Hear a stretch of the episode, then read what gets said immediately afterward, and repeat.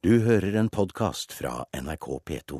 Og da er det tid for Politiske kvarter, programleder Bjørne Myklebust. Og tar jeg ikke helt feil, så kanskje det skal handle om SV, kanskje Lysbakken, kanskje Ja, det er ingen andre som har reist seg og sagt 'jeg vil bli ny SV-leder', men mange i partiet ønsker nå at det skjer.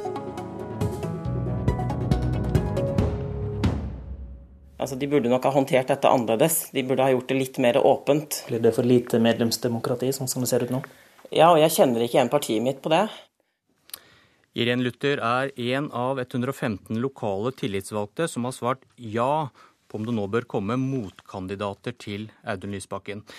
Partisekretær i SV Silje Skei Tveitdal, velkommen til Politisk kvarter. Takk for det. Hvorfor tror du Luther er misfornøyd med partidemokratiet?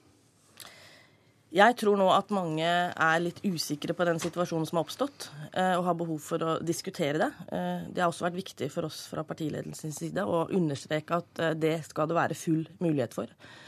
Som det foregår nå diskusjoner rundt omkring i SV Norge. Og så samles vi til et landsmøte til helga for å velge en ny leder. Men det er ikke det samme som å være misfornøyd med partidemokratiet?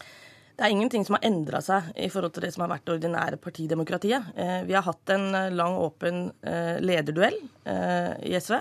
Så har vi hatt en valgkomité, og vi vil reoppnevne en valgkomité på landsmøtet, slik vi pleier. Og Det er fullt mulig for alle å, å, spille inn forslag, og det har også vært viktig for oss å understreke. Det sa også Audun Lysbakken på mandag, at han stilte seg til disposisjon. Og så er det opp til landsmøtet å velge den lederen de ønsker seg. Noen vil jo si at det nettopp er noe som har endret seg?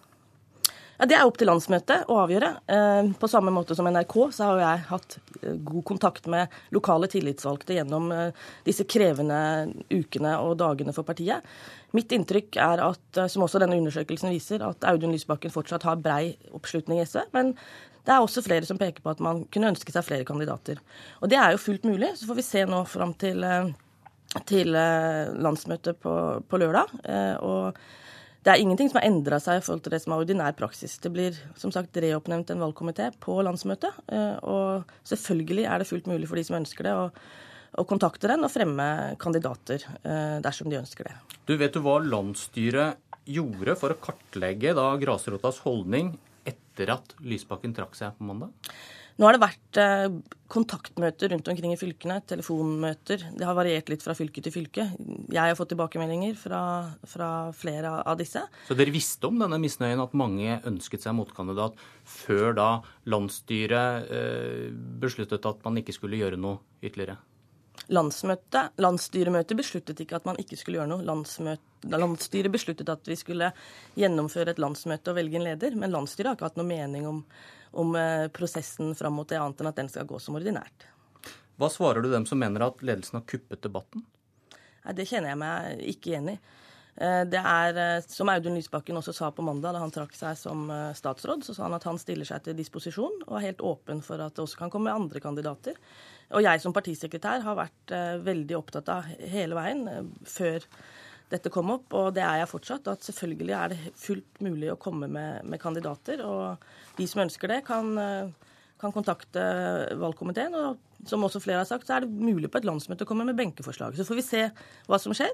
Eh, og som partisekretær så, så forholder meg, jeg meg selvfølgelig til det resultatet som kommer. Men mange har reagert på at Kristin Halvorsen gikk ut allerede på mandag og sa at hun mente at Audun Lysbakken bør bli leder, til tross for det, det som har skjedd. Mm, det var Kristin Halvorsens mening da. Er du, enig? er, du enig? Som partisekretær så har jeg aldri blandet meg inn i, i, hvem som skal eh, bli leder. Jeg forholder meg til den lederen landsmøtet velger. Det er, det er min rolle, og det har den vært hele tiden. Eh, det er mange også som har satt pris på å høre hva Kristin Halvorsen har ment eh, i en krevende situasjon for partiet. Og det er mange som har kontaktet meg om det også. Hva ville skjedd hvis dere hadde ventet med å velge ny leder? Jeg tror at eh, et eh, klart flertall blant mine medlemmer ønsker nå å få på plass en ny leder eh, for SV, og ser fram til å møtes på et landsmøte som skal velge leder, men som også skal diskutere spennende politiske saker. Og vi skal sparke i gang en arbeidsprogramprosess som vi skal gå til valg på i 2013. Vi hørte denne misnøyen med partidemokratiet, og kanskje man ville funnet ut om det var grunnlag for en annen kandidat, da, hvis man hadde ventet. Men det var kanskje noen som ikke ønsket det? At sånne prosesser skulle komme ordentlig i gang? Man ville skynde seg å få valgt Lysbakken? Dette landsmøtet har vært eh, planlagt i, eh, i, flere måneder. Eh, vi spurte landsstyret, dvs. Si representanter fra samtlige fylker og de som er direktevalgt, det spørsmålet på mandag.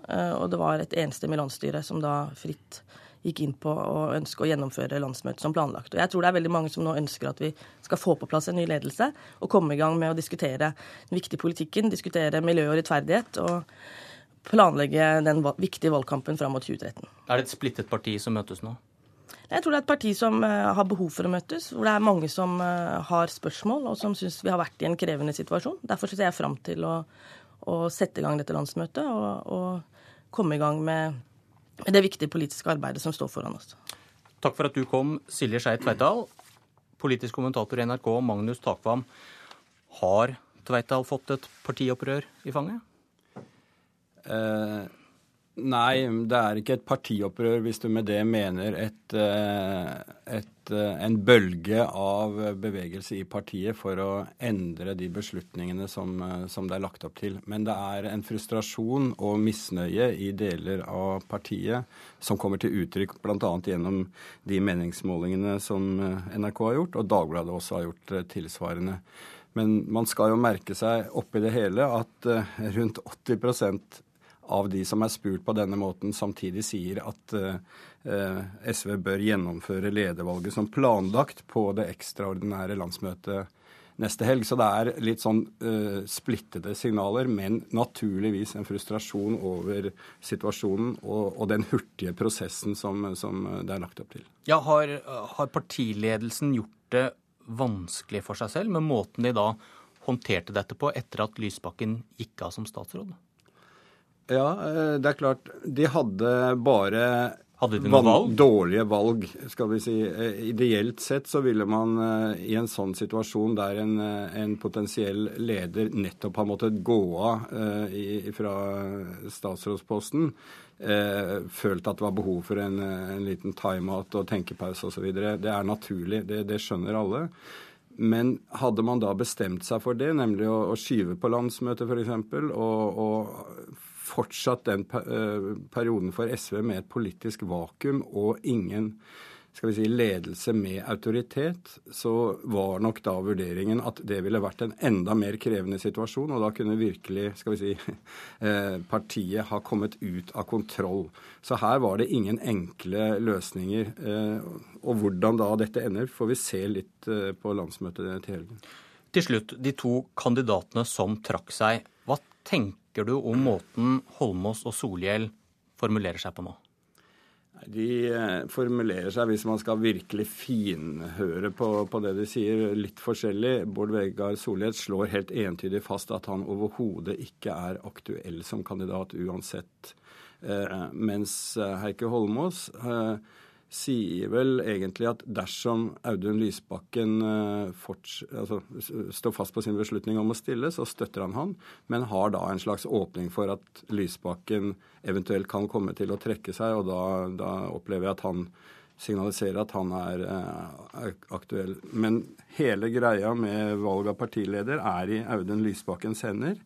Uh, og alt tyder på at han står fast på sin beslutning om å stille, og at han blir valgt. Takk, Magnus Takvam.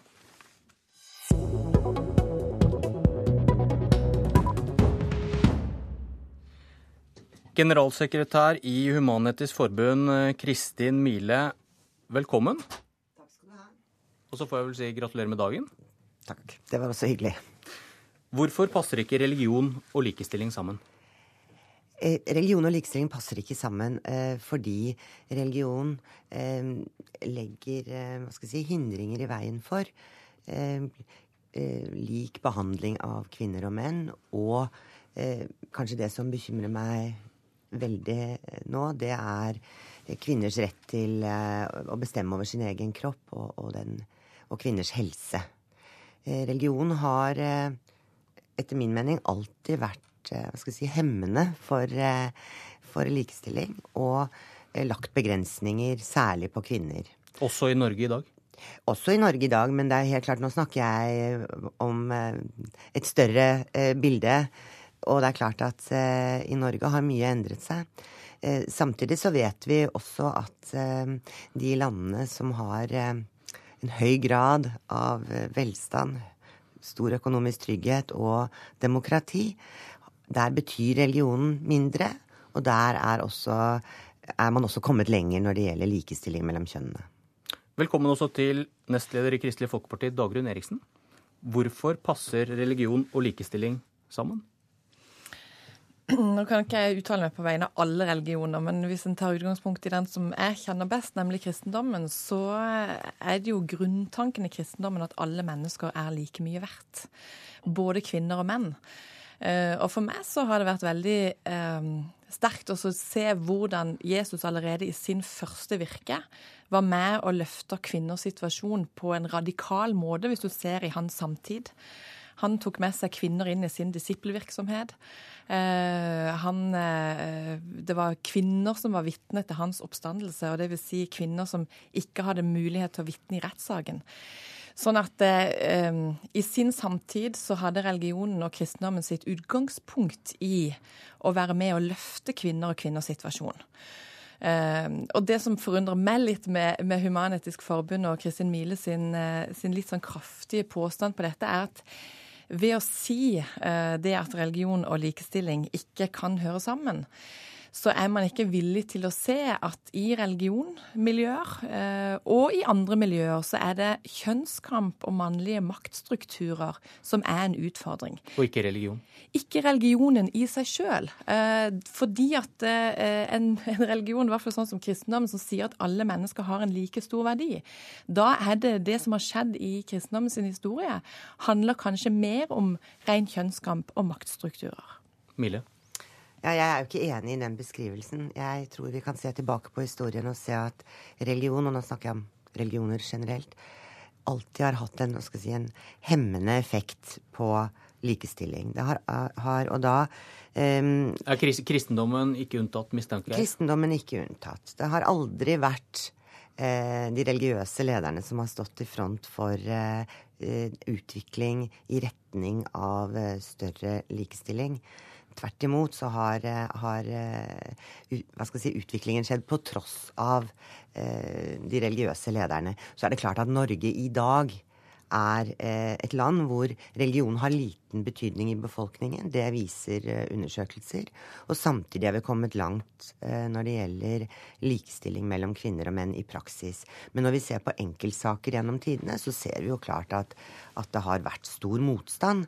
Ikke minst når det gjelder abortkampen, som er kanskje den siste store kvinnekampen. Så er det klart at det har vært religiøse krefter som har kjempet mot kvinners rett der. Men hvis man da er for likestilling, så bør man kjempe mot at Dagrun Eriksen får mer makt?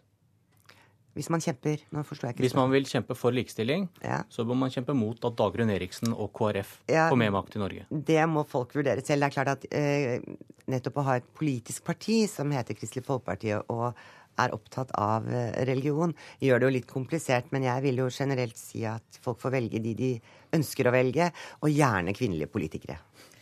Ja, det er jo hyggelig at de får lov å velge sjøl. Men, men, det, som, det som jeg syns Og som jeg blir litt sånn Dette er jo en diskusjon som vi har hørt mange ganger. Og jeg blir veldig sånn frustrert eh, i forhold til at man, man nekter her, her snakker Kristin Mile om religiøse ledere. Og det å ikke være villig til å se at også her så handler det etter om kamp mellom kjønn. Og det handler om maktstrukturer også innenfor religion, og ikke religionens innhold i seg sjøl. Det syns jeg er utfordrende. Så har jeg lyst til å trekke noen eksempler fram. Hvis vi skal ta det globalt, da. Hvis du tar Japan, eh, som også er et eh, samfunn med stor utvikling, eh, mye velstand, teknologisk kommet langt, de har en kjempeutfordring på likestilling. Hvor ikke du har kanskje én religion som står så sterkt. Så for meg så handler det om å ta religion på alvor i dens innhold, og også innenfor religionene kjempe mot mannlige maktstrukturer. Og det kommer jeg til å fortsette å gjøre, både i partisammenheng og i norsk sammenheng. Men skal dere begge feire dagen? Man skal feire 8. mars, helt klart. Jeg skal feire. Veldig. Takk for at dere kom. Det var Politisk kvarter i dag. Jeg heter Bjørn Myklebust. Du har hørt en podkast fra NRK P2.